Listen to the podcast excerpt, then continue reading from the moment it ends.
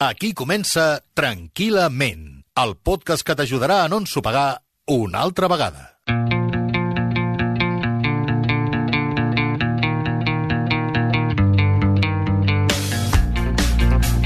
Bon dia, bona tarda, bona nit. Hollywood ens ha endolcit la vida, sobretot la nostra vida amorosa. La majoria de comèdies romàntiques ens mostren una parella que es coneix, primer no s'agrada, i després descobreixen que han de viure junts tota la vida. I ho fan mentre el noi generalment corre cap a l'aeroport per evitar que ell agafi un vol, que també li podria dir per telèfon, però és igual. Això és Hollywood. Per sort, Sempre hi ha excepcions. El clàssic modern 500 dies juntos, el noi que acaba de sortir d'una relació coneix a la noia. La noia que sí, però que potser no, i que potser sí, però que no tant com vol el noi. És el pròleg d'un cor trencat. Esta es Samer, mi nueva ayudante. Samer, los demás, los demás, Samer. En la universidad me llamaban Hansen, el muy eficaz. A mí me llamaban la chica anal. Porque lo analizaba todo y lo organizaba todo. Le gustas. Me pareces interesante y sería genial que fuéramos amigos. Amo a Samer. La cosa está chunga. No, me siento a gusto siendo la novia de nadie. ¿Qué pasa si, si te enamoras? No existe eso del amor, es una fantasía. ¿Qué tal el fin de? Estuvo bien. Me he perdido algo. Dijo, estuvo bien, con énfasis en el bien, como si lo hubiera pasado follando con alguno que conoció en el gimnasio. Dice que hay en vez de hola, porque entonces ya sabes que es lesbiana, ¿verdad?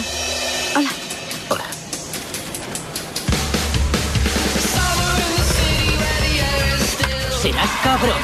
¿Te la has follado? No. ¿Qué? ¿Rollo oral? No. ¿Manual? Para nada, sigo a dos velas. Nos hemos... ¿Qué haces si al final acabas ese tema? Adiós. Eso parece factible. ¿Su novio quizá? No es tan simple. Somos jóvenes, disfrutemos mientras podamos. Que no estoy buscando nada No estic buscant res seriós i aquí és on es trenca el cor. Perquè de vegades coneixem a alguna persona que sembla la persona, però per ell o per ella, doncs eh, no ho som. I la pregunta del milió, com sabem si ella o ell ho és? Com sabem si hem trobat la parella que buscàvem? Avui, al Tranquil·lament, com saber si és ell o és ella? Xavier, benvingut. Moltes gràcies, aquí estem. Posem-nos en el millor dels casos. Comencem eh, optimistes. El o la coneixem, tot va bé, però hi ha el dubte. Per què hi ha el dubte? Home, perquè sabem que a la que ens emboliquem, que vol dir que ens comprometem, eh, les coses canviaran, la nostra vida canviarà i començarem el patiment, que és el patiment de l'amor, tot Però i que... no pot començar el patiment tan aviat Sí. si ens acabem d'enamorar. Sí, perquè, sí. Per què hem de patir? perquè deixarem de viure les coses que teníem controlades, deixarem de tenir les coses una mica a la nostra manera, al nostre gust, i entrarem en un àmbit de eh, estar negociant, harmonitzant, trobant la manera d'entendre'ns, cosa que abans, quan estàs solter, estàs la mar de tranquil perquè ningú et diu què has de fer ni què has de deixar de fer. I, per tant, O aquest sigui, el, primer patiment... dubte, el primer dubte és egoista. El primer dubte, evidentment. El primer Evidentment. dubte en l'enamorament és egoista. Evidentment, perquè el primer dubte és, home, si tiro endavant, haig de deixar alguna cosa. I aquest deixar alguna cosa ens fot molt, perquè no ens enganyem, ho voldríem tot. Voldríem fer la nostra... I tenir vo- la parella. I tenir la parella. Vull aquesta noia, vull aquest xicot, el vull tenir, però també vull tenir tot l'altre. I també vull tenir altres xicots si es dona el Val, cas. d'acord, però- I també vull... Eh, ja hi som, ja hi som, ja hi som. Sí, Ui, sí, ui, però, ui, ui, però, ui. però, però, després d'un temps de no tenir-ne, home, eh, gaudir de la parella és, és, és molt plaent. Clar. És a dir, qui- quin, quin problema hi ha d'haver aquí? Hauria de ser il·lusió. Per què, Sí. per què em planteges el dubte ja d'entrada? perquè a l'entrada sempre hi arribarà un moment en què seràs conscient de que en el moment que ja t'emboliques, per tant, el moment que potser la paraula embolicar és una mica lletja, però la paraula comprometre's, el que dèiem, hauràs de començar a deixar certes Perquè aquí coses. estem parlant d'un cert compromís. No estem parlant del rotllo d'una nit, és a dir, estem No, no, parlant no, no, de no. saber si és ell o si és ella, Clar. la persona. Clar. Això no vol dir, és a dir, no, no m'agradaria semblar eh, arcaic, eh? o no m'agradaria tenir un pensament que, que no, no s'adequi al que, al que estem vivint. És a dir, no estem parlant del, del casament, eh? no estem parlant del si vull, No, no, no, sinó en no, aquell no. moment que decidim i pensem que aquella persona que tenim al davant serà la persona important a, a la, a la nostra Exacte. vida. O sigui, no estem decidint una boda, sinó que estem decidint el compromís. Efectivament. Un cert perquè, compromís. perquè al principi, quan hi ha la primera fase, que és la primera fase, pot passar dues coses. Pot passar que la persona, només veure-la, i això trobaràs companys que t'ho diuen, i a mi també m'ho han dit, només la vaig veure i vaig saber que seria la dona de la meva vida. Mm. Només veure'l vaig saber que era l'home que jo volia. Sí. I això, a vegades, ens crea una impressió tan forta que aleshores ja no tenim cap dubte. Ja anem darrere d'això, sigui com sigui. Però compte, això no vol dir que arribarà un moment, sempre tard o d'hora, que vindran dubtes. Però sí que hi ha gent que d'entrada té aquesta impressió de dir, ostres, que només veure'l, només només veure'l, no, no, no, els ulls, una mirada, aquella manera de... Tinguem fe, tinguem fe Eh? que les persones afortunades, crec jo, que els hi ha passat això, els hi deu haver anat molt bé. Esperem, Mm, bueno, no, no, tinguem no, fe, no necessàriament, no, no, no, no, clar no, que no. no, clar que No, no, no, però vaja, tot, siguem optimistes també. Hi ha de tot, hi ha de tot. Segur que ens escriu molta gent dient jo la vaig conèixer, la vaig veure i encara estem junts, tenim no sé quants fills i tot no, ens no, va la sí, mar sí, sí, bé. i, I, escolta'm, bonic, és molt bonic. Sí, perquè si no, eh, Quan és així- desesperançador pensar el contrari. És eh? molt bonic. Però jo haig de ser fidel a la realitat. Que I sí la que fidel sí, a la no, no, realitat per és que aquí. hi ha de tot. N'hi ha que comencen i duren tota la vida, n'hi ha que comencen i s'acaben, en fi, hi ha de tot. Aquí el que, el que estem disseccionant és el dubte. Per què apareix el dubte? però aleshores estàvem primer amb la primera fase, que Sí. és conec, hi ha persones que diuen, aquí d'entrada ja pam, patapam, ja dic que sí. Mm.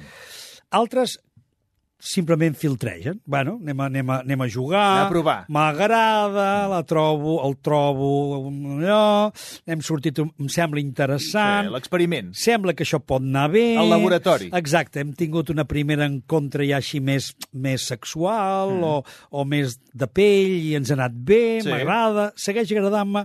És a dir, hi ha la fase que entenem per la fase del enamorament o en castellà enamormiento. Aleshores... Però, quan- perdona, enamormiento? Enamormiento. Això és un joc de paraules? És un joc de O és paraules. una broma que feu els psicòlegs entre És vosaltres? una mitja broma que fem els Ah, psicòlegs perquè, per clar, dir... jo que m'ho apunto tot i havia apuntat enamormiento... i- Enamormiento. És que no ho havia sentit mai, això. No, perquè això és una cosa que, en fi, és una... és- Enamormiento. molt bé. Enamormiento, que Sí, vol sí. dir l'enamorament sempre és una projecció de nosaltres mateixos cap a l'altre. Veiem a l'altre el que volem veure, i de fet ens estem veient a nosaltres mateixos en l'altre. I aleshores ens entra com una obsessió per estimar allò que no deixa de ser la imatge de mi mateix. Per tant, m'enamoro de mi. Aleshores, hi ha una mena d'enamormiento. D'acord.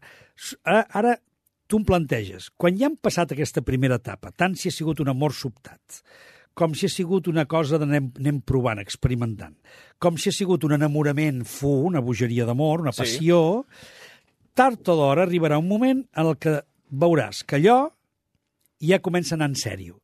I un dels dos, o potser els dos, prenem consciència de que ens hem de comprometre més en la relació. Mm. I per tant vol dir, Com comprometre, per exemple, en el sentit de l'exclusivitat. Que l'exclusivitat eh, és el que d'entrada comença a generar un cert compromís. ho veus? Quan ell o ella diu però tu no estàs quedant amb ningú més, no? Claro, eh, suposo que no estaràs al Tinder encara. Encara. Aleshores, Sí, sí, quan apareixen aquestes coses, un ja es dona compte que diu, ah, clar, jo haig de començar a fer algunes renúncies. Algunes renúncies senzillament perquè per poder-me emmullar amb l'altre, doncs, un cop parlats, hi haurà coses que estarem d'acord i que sé que podrem portar perfectament, però hi haurà coses que potser hauré de renunciar-hi. Però aquí m'estàs plantejant un dubte de la relació. Claro. És un dubte de la relació. Clar, però el dubte ja te'l fa pensar si és la persona adequada. Per què? Exacte, sí, Perquè sí. sempre hi haurà algun aspecte de l'altre, sempre, que, mm, home, amb aquest xoquem. Home, amb aquest aspecte no és ben bé... És que tampoc físicament és que no sigui no és ben bé del tot, del tot com jo voldria. I aquí, abans d'avançar més, també pot ser que sigui un dubte autogenerat? És a dir, que estem veient que o allò va massa bé, que també passa, o allò va massa malament i estem buscant-hi excuses? Ara, ara, ara l'has tocat. Ara l'has tocat. En el fons, el que, el que anava a dir, quan apareixen aquestes coses que són començar a dubtar de l'altre, si és la persona, vols dir que és la persona, vols dir que és el moment, potser encara hauria de viure una mica més la vida, és que fa poc que em vaig separar i potser és massa aviat. Aleshores ens fotem aquestes coses al cap. Sí. I com que ens fotem aquestes coses al cap, llavors quan arriba el moment, un dels plantejaments per no comprometre's és que no ho sé si és ben bé ella. Aleshores entrem en una fase interessant que és dubtar de la relació. I quan dubtem, no d'una relació, Marc, sinó quan dubtem de qualsevol cosa, vol dir, una, o que se'ns ha despertat una enorme curiositat per explorar algo que no coneixem, o bé que tenim por. O que en tenim una altra. Tenim por. No, que tenim una altra persona. Clar, tenim por. Sí, sí. Perquè pot ser que les perdem totes dues. Mm. És a dir, que quan apareix el dubte, apareix la por. O direm, ho direm d'una altra manera. Quan apareix la por, apareix el dubte. Abans no hi era. Per què? Perquè no hi havia por. Què hi havia? Mm, Esverament, esverament, esverament, esverament. exaltació, Sí, sí. enamorament, digue-li com vulguis, enamoramiento. Però, en canvi, quan apareix el dubte, és una altra cosa. Perquè el dubte ja ve de la por. I la por ens fa dir, ui, això va de debò. I si va de debò, aquí haurem de començar-nos a fer plantejaments. I plantejaments vol dir, ja me'n dono compte que ja no puc continuar vivint com he estat vivint fins ara, perquè a partir d'ara les coses segur que seran d'una altra manera. I, per tant, aquí perdo el control. I en aquest perdre el control és on està la clau per fer el pas o no fer el pas. I un altre dubte, que de fet aquest tema que estem comentant avui es genera d'una conversa amb una persona que em va dir és que si l'escullo amb ell, potser me'n perdo molts. I això em genera un dubte. És a dir, gairebé aplicava una, una norma matemàtica. Claro. És a dir, si al món hi ha molts homes i jo em quedo amb aquest que he conegut, home, és que potser me'n perdré molts. És a dir, potser Clar. no viuré, no viuré prou. Clar. I jo li deia, home, és que potser, potser és aquest, i ella deia, és que potser no, i jo li deia, és que potser sí, i per això estem fent aquest podcast. Clar, aleshores, fixa que aquí el curiós és, primera, el primer que hem dit, per què hi ha por? Perquè hi ha renúncia.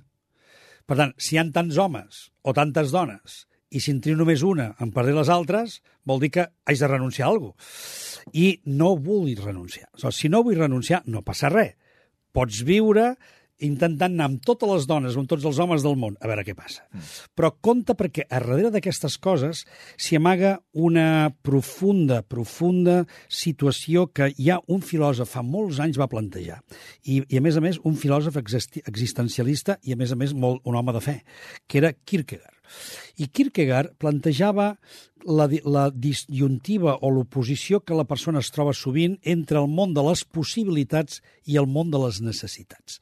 I diu, algunes persones viuen la vida veient sempre les possibilitats. Clar, Hi ha més homes, hi ha Clar. més dones. Clar. No em puc quedar amb aquest perquè me'n perdré un Clar, altre. exacte. I en trobaré un altre millor i ara amb aquest faig el ridícul. és això. Que és un tòtil i jo vull vull un Exacte. altre. O començo, perquè em sembla que aquella és extraordinària, al cap de quatre dies em veig que n'hi ha una altra de més extraordinària, doncs ja deixo aquesta i me'n vaig amb Les l'altra. possibilitats. Per tant, visc de les possibilitats. Però què passa? Si visc de les possibilitats, no sóc prou conscient ni sé connectar prou amb les meves necessitats. Però tu, en el fons, què vols? Tu vols que estar amb algú al sofà de casa? Vols sentir-te calentonet al llit i trobar una abraçada d'una persona que t'estima? O vols trobar cada dia una persona diferent? Les dues coses, que estic fart d'aquests dilemes Doncs- on anem a parar sempre. Ah, claro, i no, no té solució. No. Clar, per això és un dilema. no té solució. Per tant, hauràs de triar. I per això vostè té feina. Hauràs de triar, per això tinc feina, per això, però hauràs de triar, Marc, i quan Ja, ja. has de triar, ve l'angoixa. I l'angoixa de triar fa que comencis a plantejar-te molts dubtes. I perquè et planteges molts dubtes, descobreixes que en el fons tens por. Per tant, sempre estem ficats dintre d'aquest cercle, que és el que fa que de tant en tant ens plantegem, vols dir que és ell o és ella? Mira, només hi ha una manera de saber-ho, si és ell o és A ella. veure, ep, ep, si resolem això, és de premi, no, eh? només hi ha una manera. Si resolem això, resolem un munt de situacions i acabem també Sí, però amb, no les comèdies, amb les comèdies romàntiques de Hollywood, però no que viuen no, d'aquest clar, dilema. però no t'agradarà. A veure, Ho descobriràs al cap dels anys. no m'agrada, Veus? perquè vull saber des del principi. Ara! Clar, I això és el control. oh, clar. Ho vull controlar des he de del perdre el començament. temps amb aquella persona si ho puc saber-ho ara? Claro, però no. No ho pots saber ara i no ho sabràs mai perquè, perquè només ho sabràs convivint amb ella. I després es diu, ho he sabut massa tard. I Tants saps- anys que clar. he, parlat amb aquesta, he estat amb aquesta persona i, coita, ara no m'interessa. Clar, per tant... Anys Marc, perduts, que hauríem d'avaluar si són perduts o no, perquè No, sempre no, s'aprèn no, no, alguna tot cosa. s'aprèn. I fixa't que al final estem dient, aleshores, entregar-se, comprometre's, per damunt de tot és un acte de fe. És un acte en la qual renuncio al control, faig un acte de fe que sigui el que Déu vulgui, dit amb una expressió molt d'aquí, molt nostrada, i a mida que anem vivint la relació, anirem descobrint si realment és ella o és ell. Doncs déu nhi l'acte de fe, El, de disgustos que ha portat aquest acte de fe Sí, senyor. i el d'aventures que també ha generat no? Exacte. El, el viure aquest acte de fe. Però si ens tu has triat... de manera positiva. D'acord, però si tu tries i tries i t'hi compromets, que jo és el que jo acabo suggerint, que és el millor que pots fer, que és comprometre-t'hi, és aniràs descobrint. I és igual si et compromets amb 10 persones, és igual, no importa, perquè importa que quan hi siguis amb aquella persona hi siguis del tot. Val, però t'agafo el que m'acabes de dir i et plantejo jo també un dilema que jo també tinc els meus, a veure, a veure com l'entomes aquest.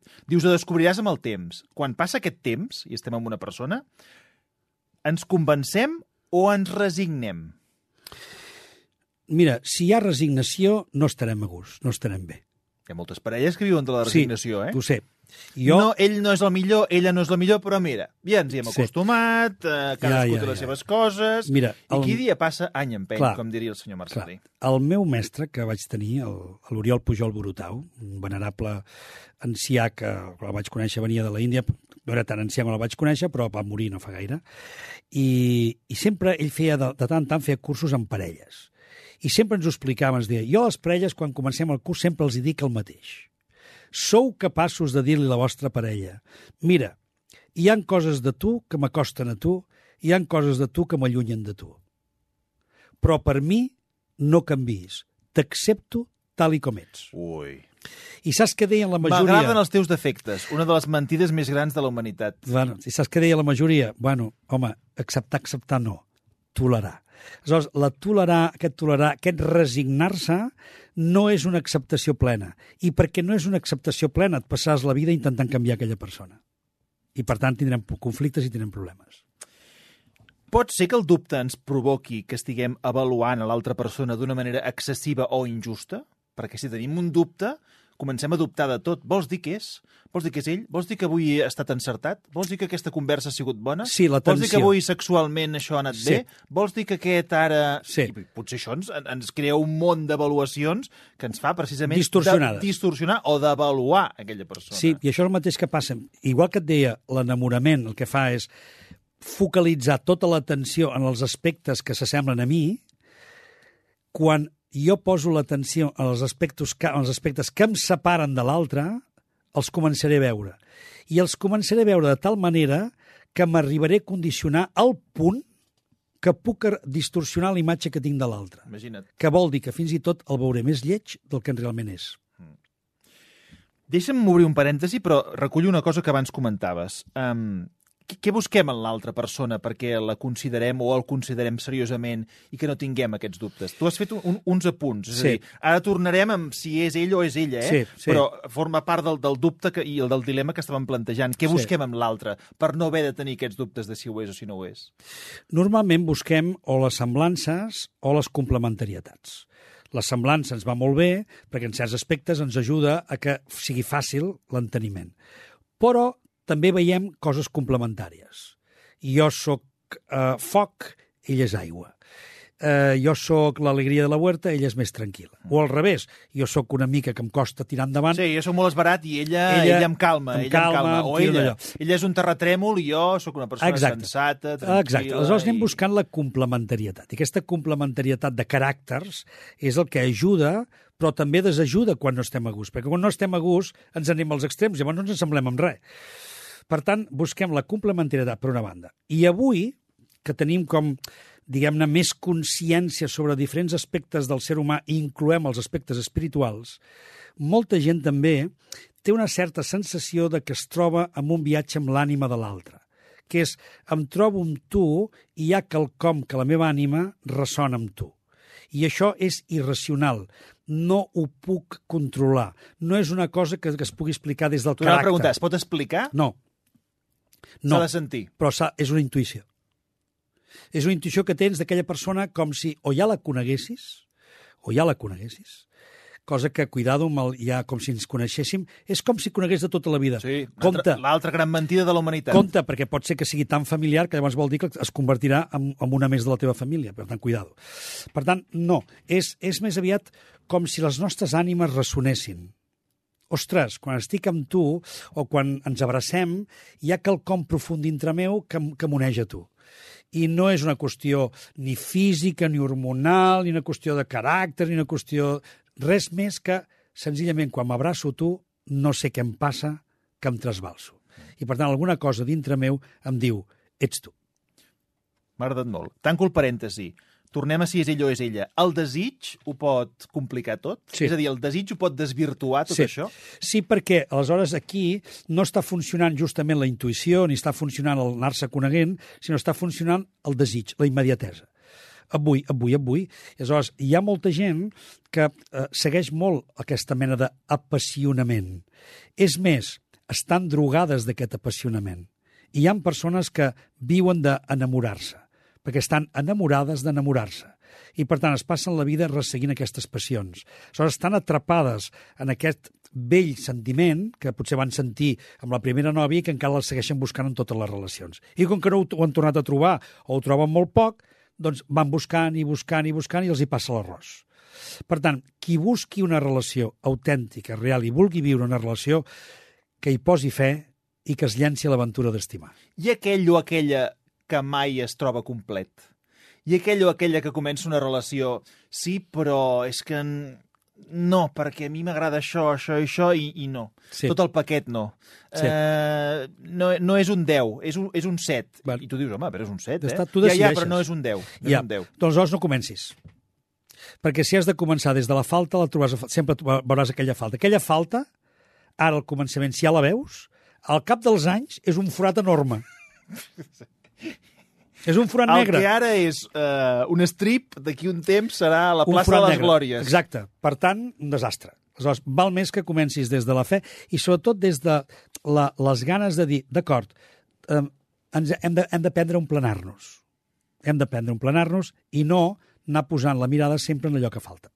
També mereixeria un altre podcast, però no m'agradaria acabar parlant de si és ell o si és ella, parlant d'un moment molt trist, que és quan descobrim que no és ell i no és ella, i això és un, un, un trencament, abans que feies referència Sí, espiritual, un però jo- trencament de l'ànima, sí, eh? però, sí, es però, viu així, eh? però et diré una cosa. Et diré una cosa. Quan s'arriba aquest moment, no, he, no, no, un no ha de dir no és ell, no és ella. Perquè això significaria que, escolten, en el món només hi ha una persona I no ho és, i, I- m'ha deixat. i, i no. no. No hem de dir no és ella, és ella, sinó aquesta ha sigut la persona que ha hagut d'aparèixer a la meva vida perquè jo aprengui o me n'adoni de certes coses de mi. I a través d'ella he après el que havia d'aprendre. O no. He après a que la història se'm torna a repetir. Aleshores, o aprenc o repeteixo. Si estic en una història de repetició, talla-ho. Talla-ho per, per no repetir més. I si no, aprèn i la pròxima vegada serà millor. I ara feu un experiment, gireu lentament el vostre cap, mireu ben bé qui teniu al voltant, mireu-vos a amb ell o mireu-vos a, la, a ella i reflexioneu sobre tot això que hem dit. Ho és o no ho és? Heu escoltat tranquil·lament. Si no heu entès res, no és problema vostre.